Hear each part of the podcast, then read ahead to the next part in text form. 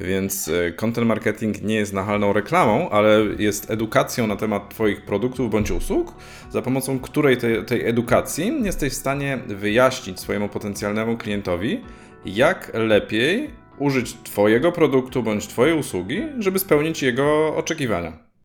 Semcast. Podcast o tym, jak rozwijać swój biznes z Google i nie tylko. Zaprasza Krzysztof Marzec. Pamiętaj, zasubskrybuj Semcast, aby nie przegapić żadnego odcinka. Czas na tradycyjne nowości Semcast. Cześć, tu Jakub Zajd z Deva Group. Witam Was w nowościach Semcast. Dzisiaj zajmiemy się content marketingiem i tym, jak może on pomóc w rozwoju Waszego biznesu. Jak zacząć content marketing na swojej stronie, jeżeli nie mamy jeszcze przygotowanej strategii? Warto zacząć od określenia zapytań, na których chcielibyśmy się z naszą treścią pojawić w wynikach wyszukiwania. Na tym etapie przydatne okażą się narzędzia Senuto lub Semstorm, które pozwolą przeanalizować słowa kluczowe, na których w wyszukiwarce Google widoczna jest nasza strona i porównać tę widoczność ze stronami konkurencji. Dzięki temu możecie odkryć tematy omawiane przez Waszych konkurentów, które przynoszą im wartościowy ruch. Może Wy też powinniście o tym napisać? Do bardziej zautomatyzowanej analizy słów kluczowych i tworzenia strategii content marketingowej warto wykorzystać w mojej opinii Game Changera 2021 roku, a mianowicie narzędzie Contadu. Narzędzie w oparciu o analizę semantyczną i wykorzystanie sztucznej inteligencji ułatwi wygenerowanie setek tematycznie powiązanych słów kluczowych, dla których warto stworzyć treść na naszej stronie. Dodatkowo, moduł optymalizacji treści pozwoli na dopracowanie naszego artykułu pod kątem zagęszczenia istotnych słów kluczowych. Zbliżonym rozwiązaniem ułatwiającym tworzenie treści zgodnych z SEO może pochwalić się serwer. Analiza treści stron konkurencji z aktualnych wyników wyszukiwania pozwala obu narzędziom na utworzenie podpowiedzi dotyczących słów kluczowych i nagłówków, które warto wykorzystać w treści Waszego artykułu, a także podpowie, jaka powinna być jego długość.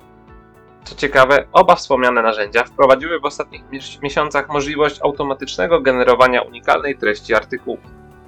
Czy sztuczna inteligencja zastąpi w przyszłości copywriterów? Czas pokaże, ale na pewno ułatwi i przyspieszy powstawanie nowego kontentu. Jeżeli działacie na rynkach zagranicznych, wypróbujcie narzędzia Ahrefs i SEMrush, które wspomogą Was zarówno w działaniach content marketingowych, jak i pozwolą na analizę widoczności w Google, a także analizę linków przychodzących. Oczywiście pamiętajcie, że narzędzia nie zastąpią specjalisty i wszelkie działania content marketingowe warto omówić z Waszym SEOwcem. Linki do wszystkich wymienionych narzędzi znajdziecie w transkrypcji odcinka na naszej stronie. Po więcej nowinek zapraszam oczywiście do kolejnego Semcastu. Semcast. Podcast o tym, jak rozwijać swój biznes z Google i nie tylko. Dzisiaj naszym gościem jest Grzesiek Miłkowski, CEO Content House. My z Grzegorzem mijamy się i zgarniamy statuetki na różnych konferencjach marketingowych. Grzegorz ma świetną wiedzę z content marketingu i właśnie o tym będę dziś z nim rozmawiać. Cześć Grzegorz, witamy w Semkaście. Cześć Krzysztof, witam wszystkich słuchaczy. Zacznijmy od najprostszej, podstawowej rzeczy, no bo słuchają nas różne osoby z różnym poziomem wiedzy i doświadczenia. Czym właściwie jest ten mityczny już teraz content marketing?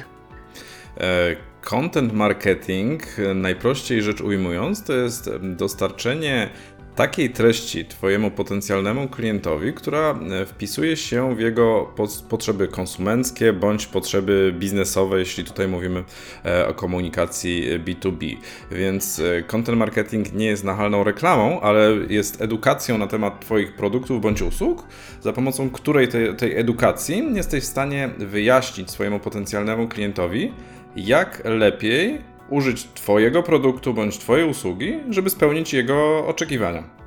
Okej, okay, a jaki rodzaj biznesu potrzebuje w ogóle takich działań? Wiemy doskonale, że niektórzy mają swoje strony, które działają jako ich wizytówki w sieci, a z drugiej strony widzę firmy w tej samej branży, które oprócz tej wspomnianej strony wizytówki mają na przykład bloga firmowego. Czy jest to jakaś zasada, jak sprawdzić, czy ja powinienem działać właśnie z content marketingiem? E, tak, bardzo często e, wiele firm nas pyta o to, czy content marketing jest w ogóle odpowiednim narzędziem e, dla nich. Ja uważam, że content, dobra treść, efektywna z punktu widzenia potencjalnego klienta, właśnie takiego biznesu, jest zawsze pożądana.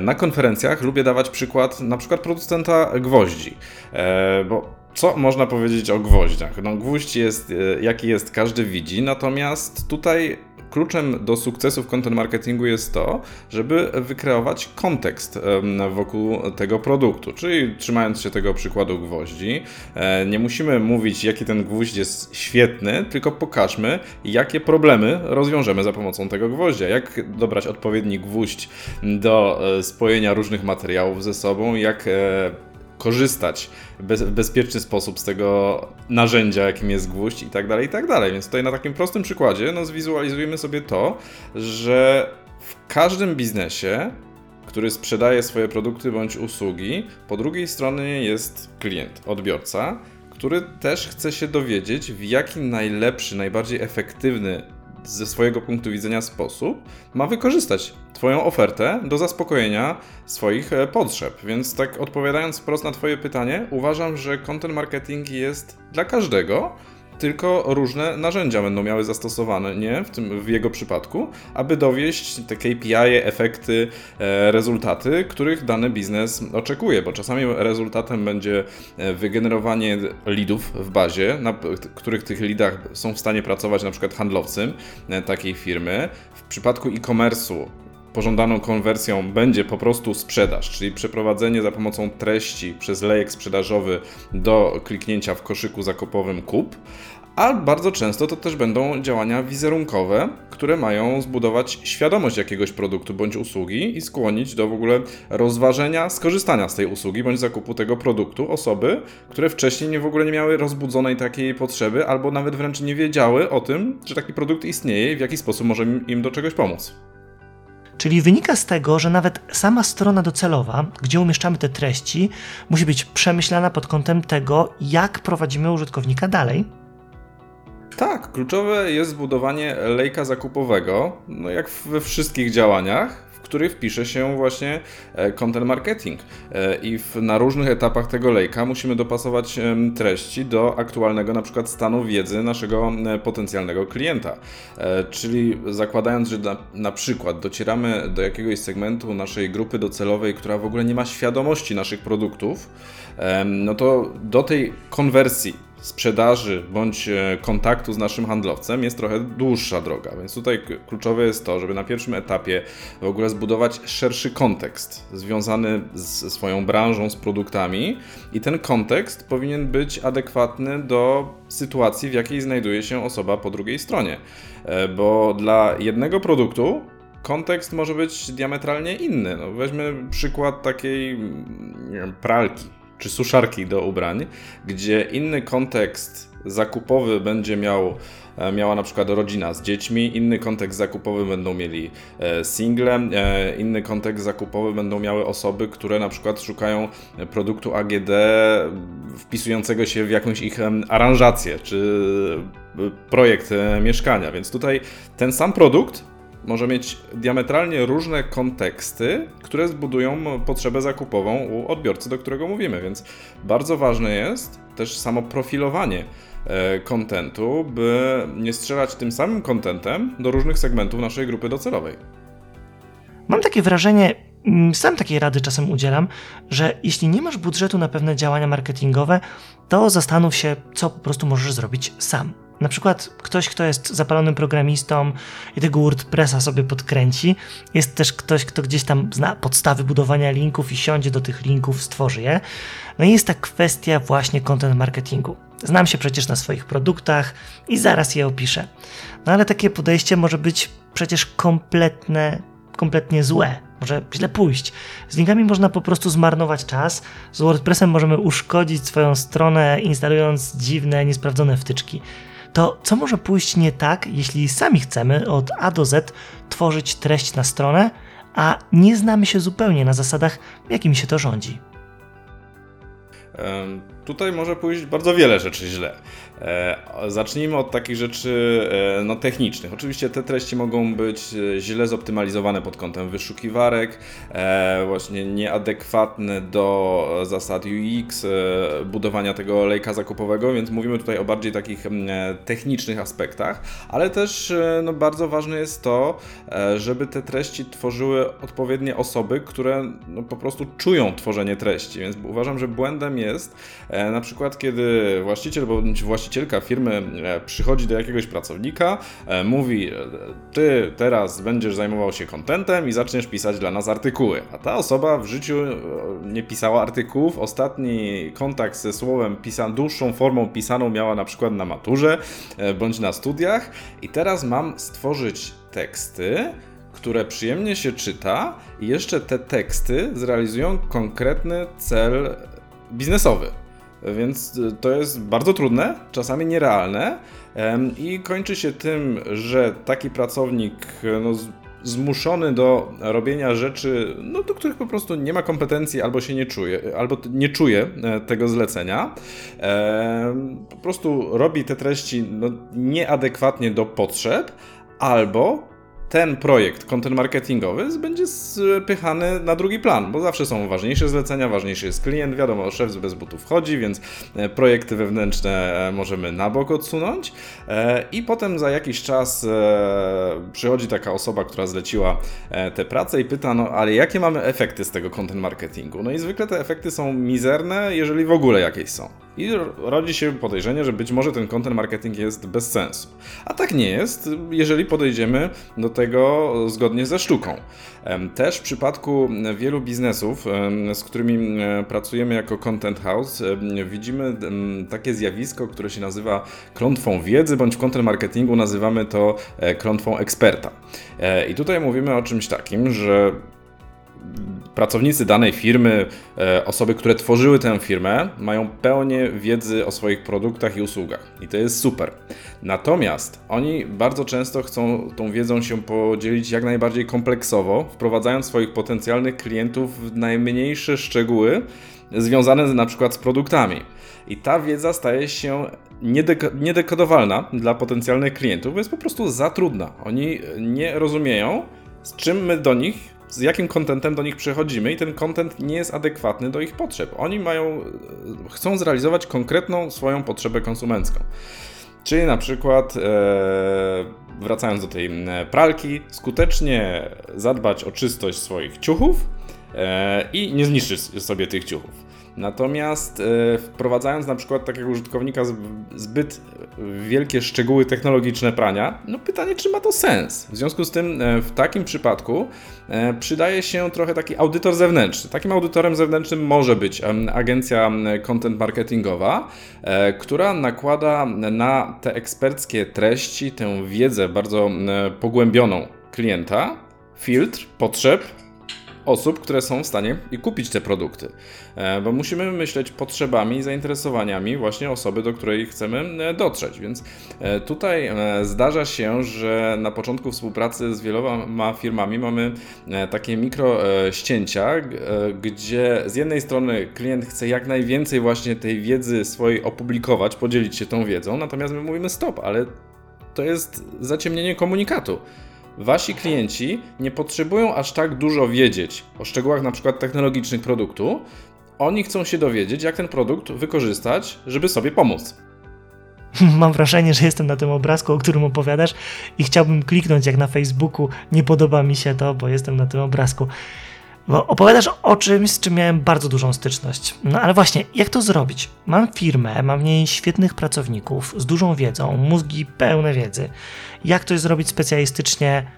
A teraz, jak to zrobić, żeby chcieli pisać te artykuły? Nie denerwowali się, że muszą to robić, bo przecież, tak jak wspomniałeś, może być tak, że ostatni raz mieli do czynienia z pisaniem na języku polskim w szkole. Dobrym sposobem podejścia do tworzenia artykułów jest przygotowanie na przykład na początku tej swojej firmowej ścieżki content marketingowej, tak zwanej polityki redakcyjnej. My nazwaliśmy sobie właśnie polityką redakcyjną stworzenie zasad i wytycznych właśnie do tworzenia treści na potrzeby biznesu. I w tej polityce redakcyjnej z jednej strony opisujemy nasze produkty bądź usługi i opisujemy kontekst, z jakim chcemy trafić do naszych potencjalnych klientów, właśnie z tymi naszymi e, produktami. Ten e, kontekst już powinien w tej polityce redakcyjnej odpowiadać na potrzeby konkretnych segmentów naszej e, grupy docelowej, więc dobrze jest też na tym etapie, tak jak właśnie w każdej strategii marketingowej, zwizualizować sobie te różne segmenty naszej grupy docelowej. Dobrym zabiegiem ułatwiającym taką pracę jest nawet dorobienie twarzy tym naszym segmentom, czyli jak mamy e, opisany jakiś segment, nie wiem, faceci z dużych miast w wieku 35-40 e, lat, z wykształceniem wyższym, pracownicy e, średnich bądź dużych firm, to otwórzmy PowerPointa.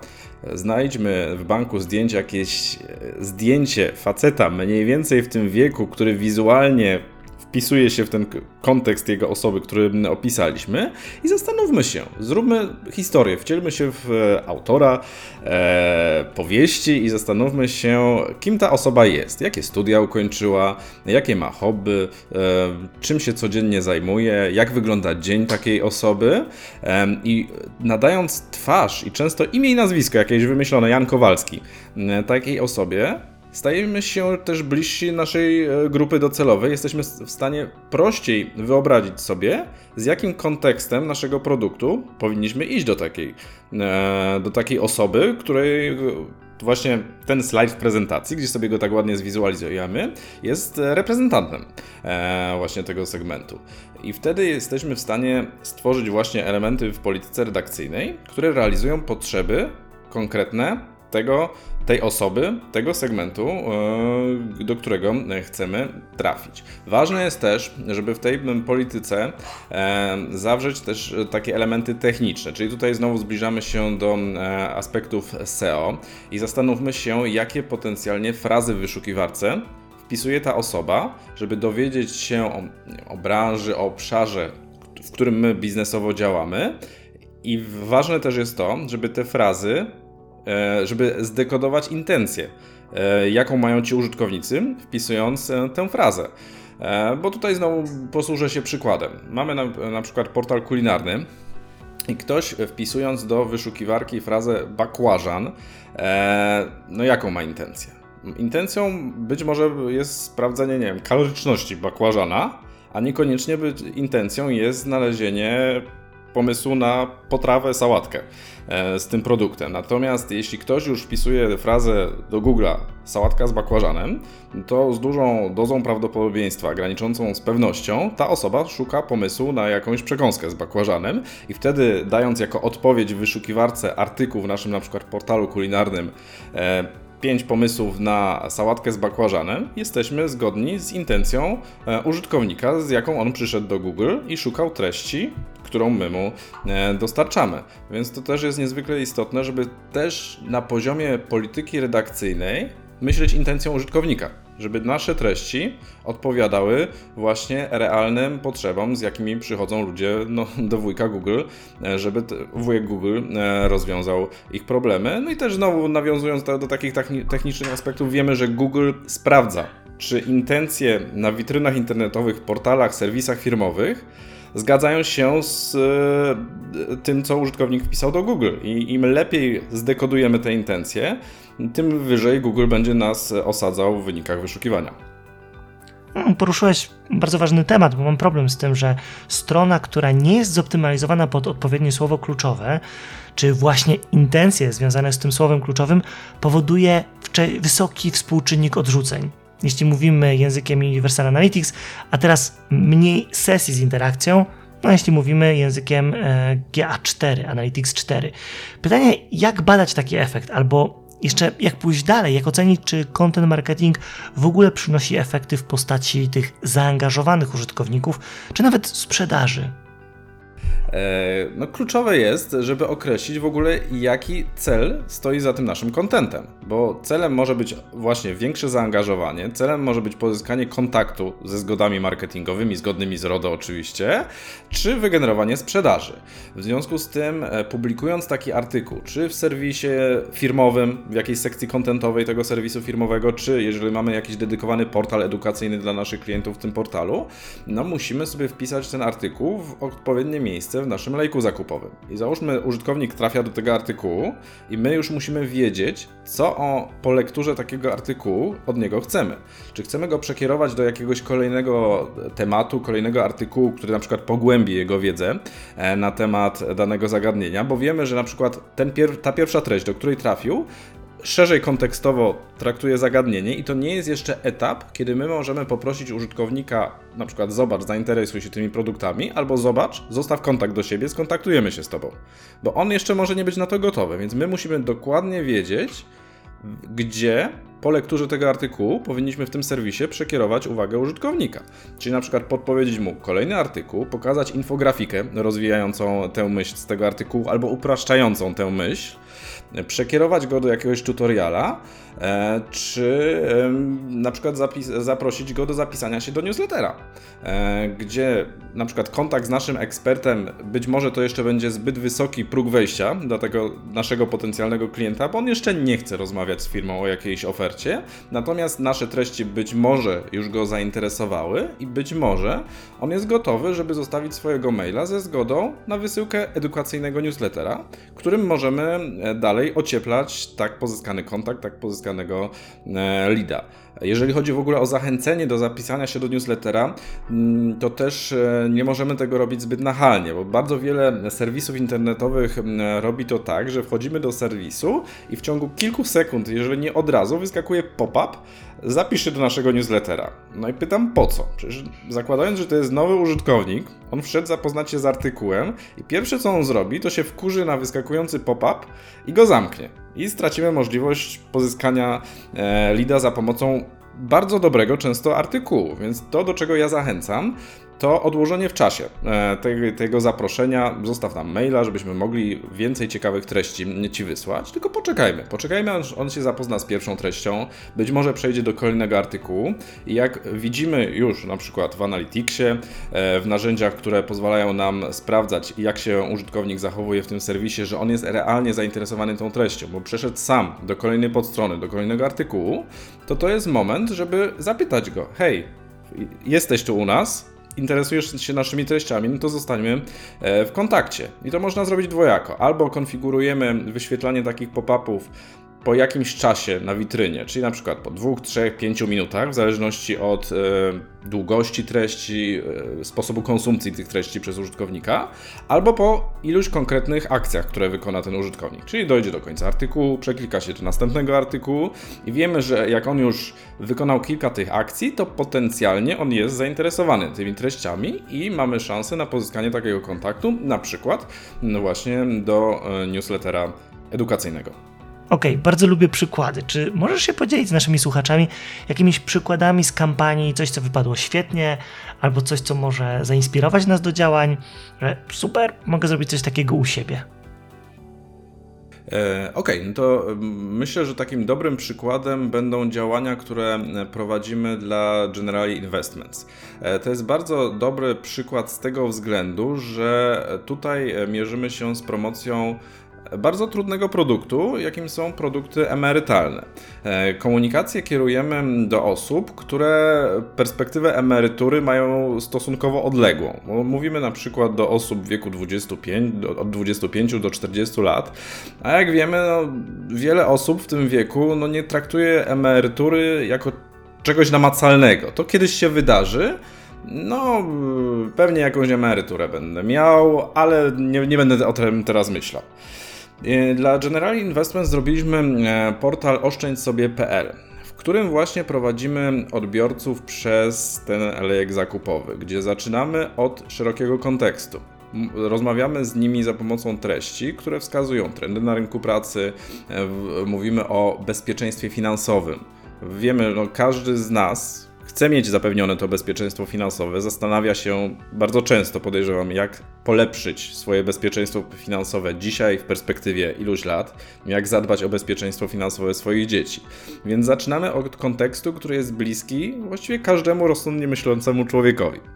I potem, jak taka osoba trafia do tego kontentu, no to już krok po kroku prowadzimy go przez różne elementy tego bezpieczeństwa finansowego, skłaniając też do myślenia o perspektywie emerytury, gdzie ta perspektywa jest odległa, ale też wyjaśniamy, że jeśli ty nie zaczniesz myśleć o tym już teraz, no to kiedyś może być za późno, żeby e, zapewnić sobie dobry i e, zadowalający dla ciebie byt, e, kiedy będziesz już szczęśliwym emerytem. E, w związku z tym, od szerokiego kontekstu, przez pogłębianie, pogłębianie tej wiedzy użytkownika na temat właśnie finansów, bezpieczeństwa finansowego i perspektywy w kontekście 5, 10, 20 lat, doprowadzając do kontaktu już z General Investments, gdzie ten kontakt może polegać na tym, albo zostawiamy właśnie lida, swojego maila, telefon w bazie z prośbą o kontakt ze strony eksperta, bądź wypełniamy specjalny formularz, e, żeby już zainteresować się e, konkretnym e, produktem emerytalnym. W związku z tym, no wyobraźmy sobie sytuację, gdybyśmy do tych osób z prostą reklamą poszli, no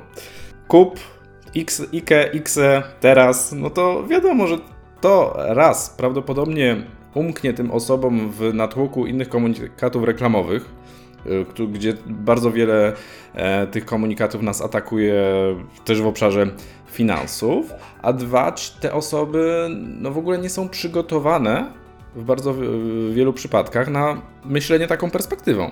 I zadaniem content marketingu jest zbudowanie gruntu, solidnych fundamentów pod myślenie w swoim przypadku, w przypadku mojej osoby, mojej rodziny czy mojego biznesu, takim kontekstem, który jest adekwatny właśnie do tego produktu, który chcemy zaoferować takiej osobie.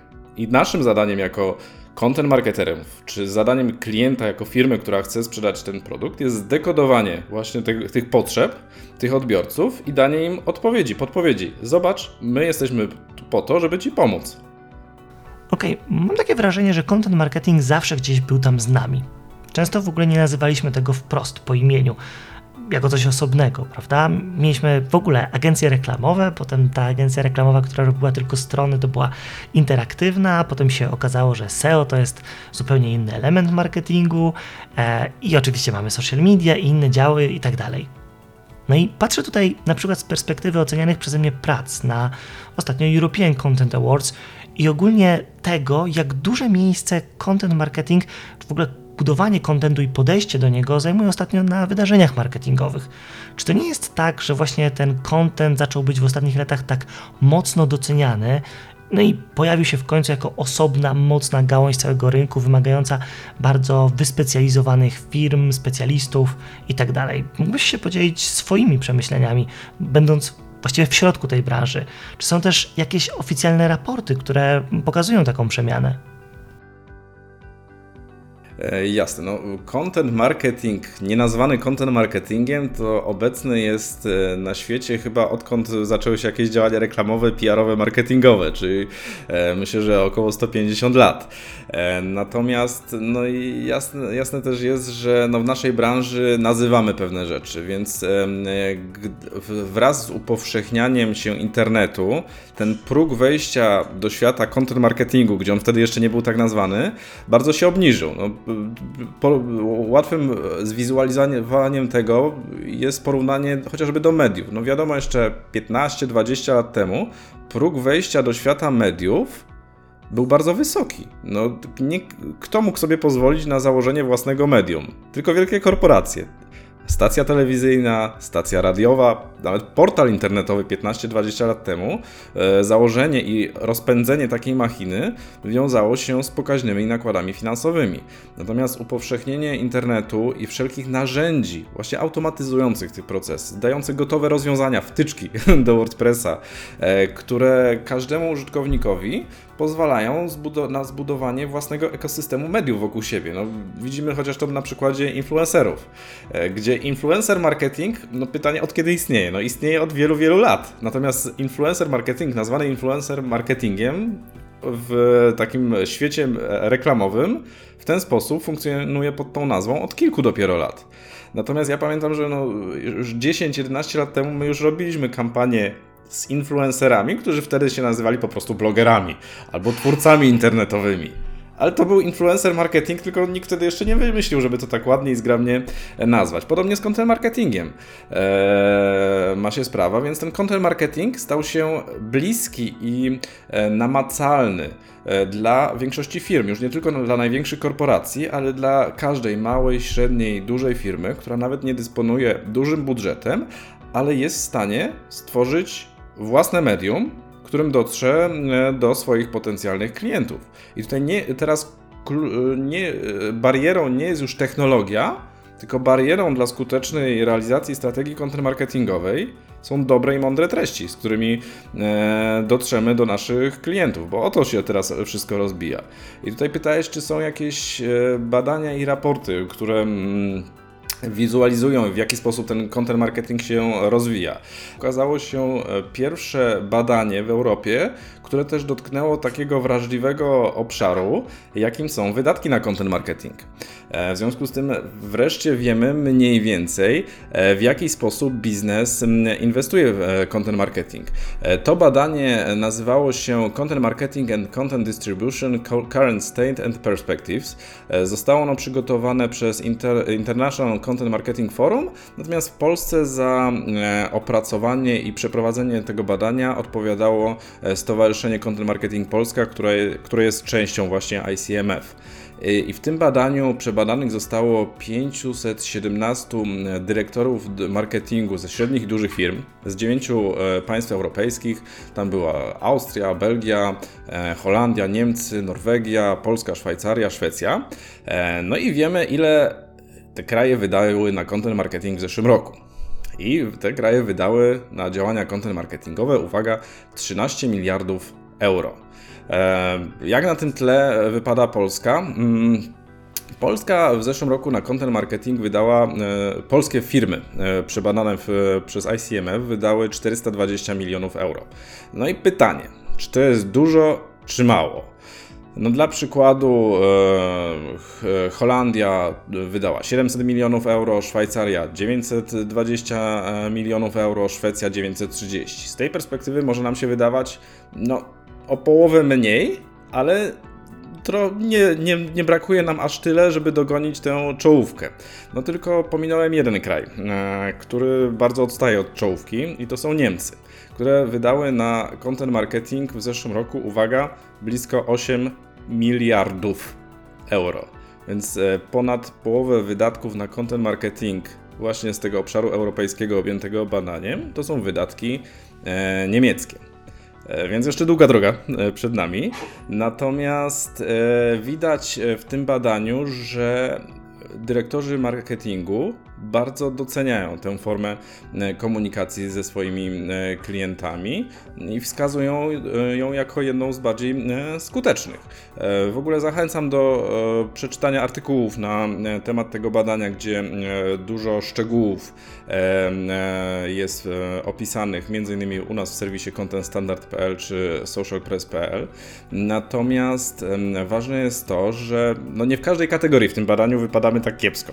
W w niektórych kategoriach jesteśmy w czołówce, właśnie razem z Niemcami, znajdujemy się w top 2, e, w top 3, e, na przykład w kategorii e, strategicznego podejścia do układania działań content marketingowych, gdzie okazało się, że takie długofalowe myślenie o content marketingu jest charakterystyczne właśnie dla dyrektorów marketingu w Niemczech, ale też w Polsce gdzie tutaj jesteśmy w czołówce, co co dobrze o nas świadczy, bo content marketing to nie jest sprint, tylko maraton. Podobnie jak SEO, e, tutaj e, nie mówimy o efekcie za tydzień, za dwa, za trzy, tylko mówimy o efekcie, na który pracujemy miesiącami bądź latami.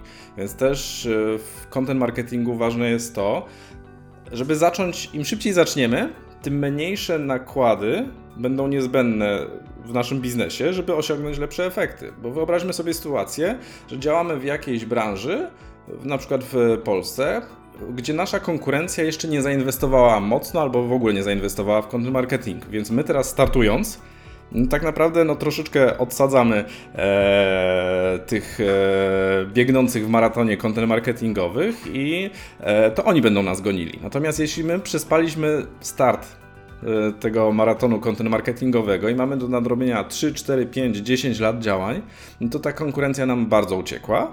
I teraz no biznes musi na to nadrobić, dana firma musi zainwestować w content marketing, ale y, będzie się wiązało to dla niej w tym przypadku z dużo większymi nakładami, żeby raz dogonić konkurencję, a potem przegonić. I znowu tu mamy e, bliską analogię z działaniami SEO, bo jeżeli e, wypozycjonujemy nasz serwis na określone frazy i konkurencja zacznie się pozycjonować na przykład po roku, dwóch, pięciu latach na te same frazy, na, o które my już zawalczyliśmy i obsadziliśmy się dobrze w wyszukiwarce na tych pozycjach, to wiadomo jest, że oni muszą przyłożyć większy budżet e, na marketing w wyszukiwarkach, żeby nas dogonić i zawalczyć z nami. No i podobnie jest z content marketingiem. E, w tym przypadku fory mają firmy, które wystartują pierwsze. Bardzo się cieszę, że poruszyłeś właśnie te kwestie. Mm, oglądałem ostatnio wykres widoczności w Semstormie, narzędziu do sprawdzenia pozycji strony, analizy konkurencji, widoczności itd. E, jednej ze stron wystrzeliła w kosmos widoczność tej strony. No i analizowaliśmy, co właściwie się stało. Przy tej widoczności zobaczyliśmy, że bardzo dużo treści zostało wrzuconych przez ostatni rok. No i tutaj taka prawda płynąca z tego, jak działa SEO techniczne. Właściwie każda złotówka wydana wcześniej na linki, na optymalizację strony zaczęła procentować, no bo wreszcie mają więcej tej treści. No i dużo osób powiedziało, to jest sukces, a ja pierwsze co pomyślałem, co to był za sukces, to, to byłby za sukces, gdyby oni to zrobili 2-3 lata temu, albo budowali ten content regularnie. Bo myślę, że nie każdy sobie zdaje sprawę z tego, że na przykład Google Adsy czy Facebook Adsy mierzymy krótkoterminowo, patrzymy na ich ROAS, czyli zwrot z inwestycji. Widzimy przykładowo, że ktoś kupił u nas soczewki, to wróci za miesiąc czy trzy miesiące, czyli tak trochę też długofalowo można to próbować ocenić, ale z content marketingu też pewnie wraca. E, content marketing procentuje w przyszłości. Jeżeli sprawdzimy rentowność tego projektu w okresie miesiąca, będzie niska, po kolejnym miesiącu wyższa, będzie rosła z czasem, bo content już właściwie mamy. No i tu przejdę do kolejnego pytania.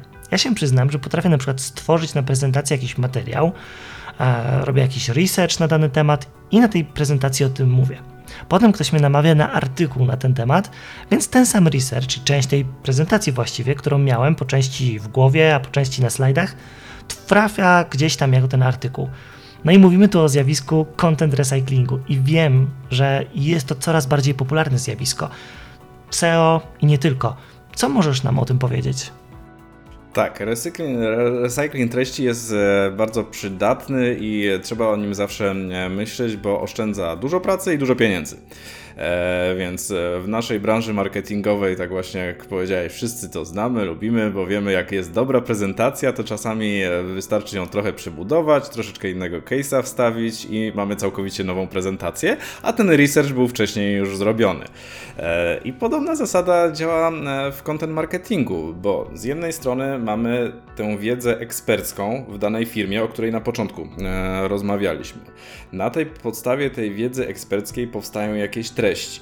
No ale te treści mogą być z czasem aktualizowane, bo na przykład widzimy, jakie treści najlepiej rezonują w Google, e, jakie treści e, najlepiej konwertują na określony cel, który sobie e, określimy w danym biznesie.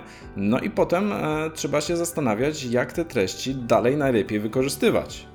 Być może taki artykuł, który napisaliśmy rok, dwa, trzy lata temu, świetnie nam konwertuje, ale pewne elementy w tym artykule się e, zdezaktualizowały. Być może trzeba na przykład odnieść się do jakichś nowych badań, dać nowy przykład, e, więc warto spojrzeć na taką strukturę tego artykułu, zastanowić się, co można w nim wymienić, żeby on się stał jeszcze bardziej aktualny. Natomiast pamiętajmy, że ten link zostaje cały czas, bo kluczowe jest to, żeby nie zmieniać linkowania tego artykułu, tylko go zaktualizować, rozbudować, dodać nowe rzeczy, rzeczy, które w naszym biznesie się nauczyliśmy przez ten czas, który upłynął od momentu publikacji tego artykułu i niech on dalej działa na nasz biznes, tylko w jeszcze lepszej formie, którą dopracowujemy z każdym e, kolejnym miesiącem.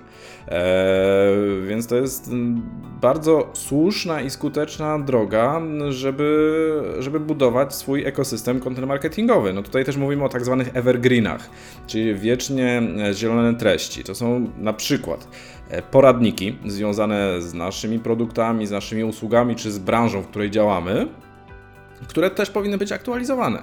Bo takie evergreeny, jak są dobrze stworzone i dobrze osadzone e, właśnie w strukturze serwisu, e, bardzo dobrze się wyświetlają w wynikach wyszukiwania i potrafią przez lata przynosić bardzo pokaźny, bardzo dobrej jakości ruch, który konwertuje e, na naszych e, klientów. A jeszcze idąc dalej, no takie najlepsze poradniki to Google wyświetla na samym początku, czasami odpowiadając wprost na jakieś pytanie zadane w wyszukiwarce. I to jest w ogóle cel, do którego powinniśmy dążyć, żeby jak najwięcej takich właśnie pytań, które nasi potencjalni klienci wpisują do wyszukiwarki, było umieszczonych przez Google jako odpowiedzi, żeby właśnie te pytania kierowały do nas, do naszego biznesu i tam roz, zacznijmy za pomocą tej treści, tej wiedzy, którą dostarczamy potencjalnemu klientowi, zacznijmy z nim rozmawiać i wprowadzać go e, właśnie e, na ten lejek zakupowy.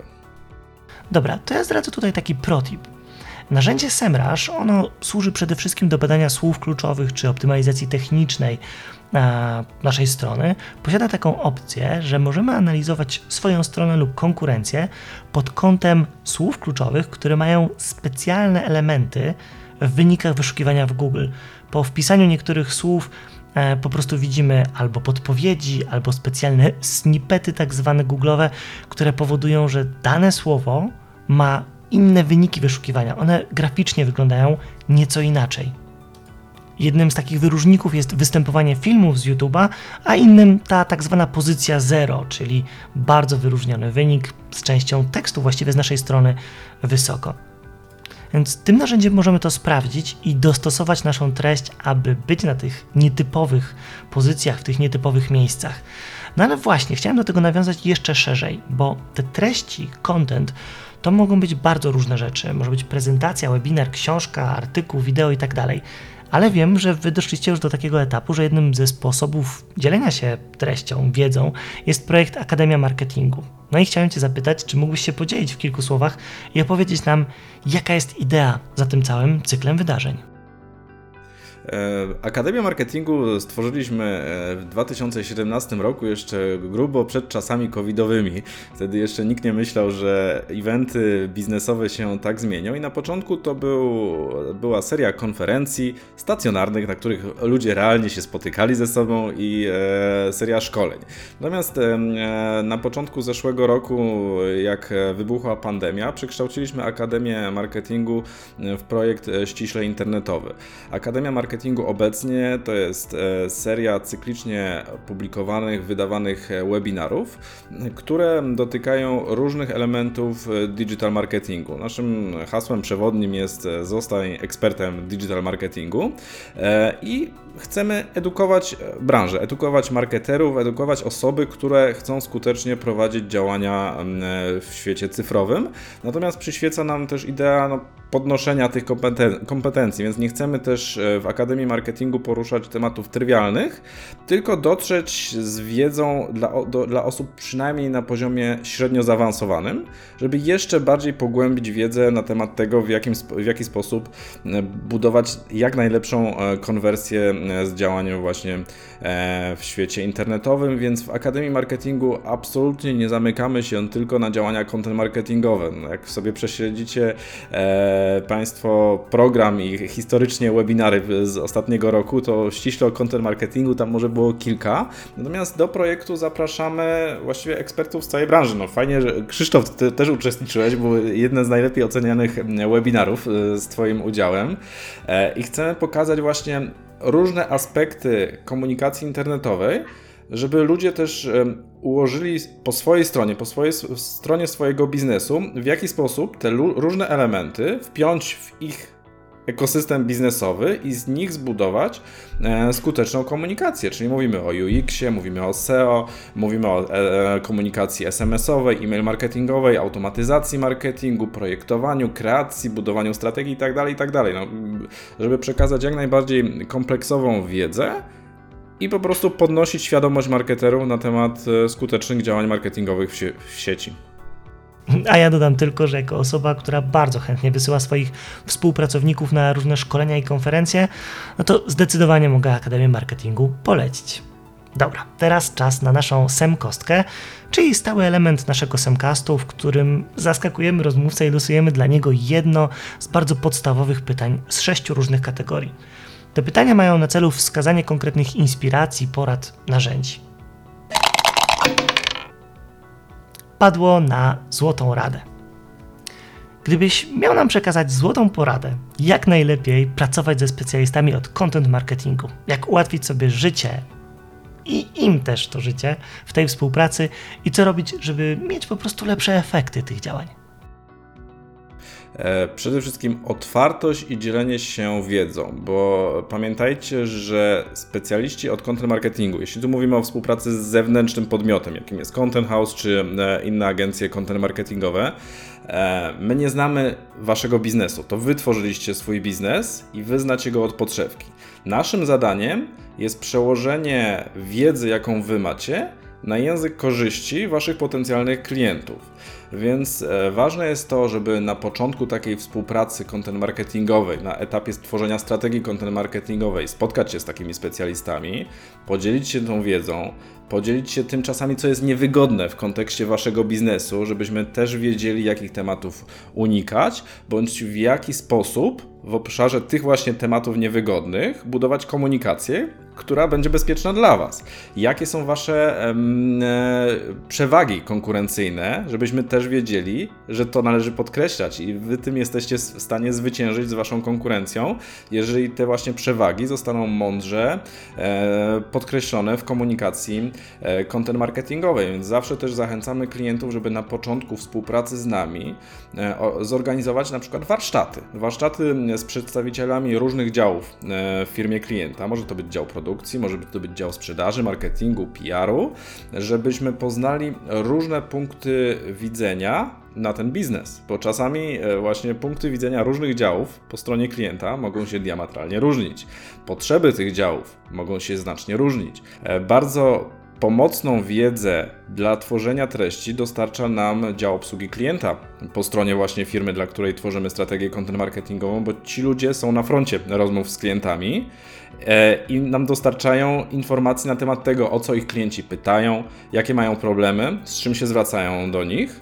I my jesteśmy w stanie przygotować właśnie odpowiedzi, content, adekwatny do realnych zapytań ich mm, klientów, żeby też uprościć, pracę takiego client service, gdzie możemy ich odciążyć za pomocą dobrze stworzonych treści, gdyż ci ludzie już nie będą chwytali za słuchawkę, pisali e, na jakimś komunikatorze czy pisali maila, żeby zadać jakieś pytanie, gdzie na przykład taka firma publikuje poradnik na blogu, na stronie internetowej, gdzie, gdzie odpowiadamy właśnie na te najczęściej zadawane e, pytania e, przez klientów, więc jeśli miałbym powiedzieć jednym zdaniem, zdaniem, e, jak dobrze współpracować ze specjalistami od content marketingu, to dzielić się wiedzą na temat różnych aspektów swojego biznesu, żebyśmy my, jako content marketerzy, mogli najlepiej przełożyć Waszą wiedzę na wiedzę pożądaną przez Waszych potencjalnych klientów. Gościem Semcastu był Grzegorz Miłkowski. Dowiedzieliśmy się, jak ważny jest content marketing, o tym, jak go robić lepiej i o tym, że jest on po prostu dużym elementem marketingu, super ważnym teraz, który zawsze był z nami obecny, a teraz można się w nim specjalizować i rozwijać go w swojej firmie jeszcze mocniej, po to, żeby przynosił konkretne, mierzalne efekty. Grzegorz, bardzo Ci dziękuję za udział w dzisiejszym podcaście. Dziękuję Ci bardzo za zaproszenie. Mam nadzieję, że do zobaczenia przy kolejnej edycji Akademii Marketingu, no i kolejnych innych eventach. Semcast, podcast o tym, jak rozwijać swój biznes z Google i nie tylko. Zaprasza Krzysztof Marzec.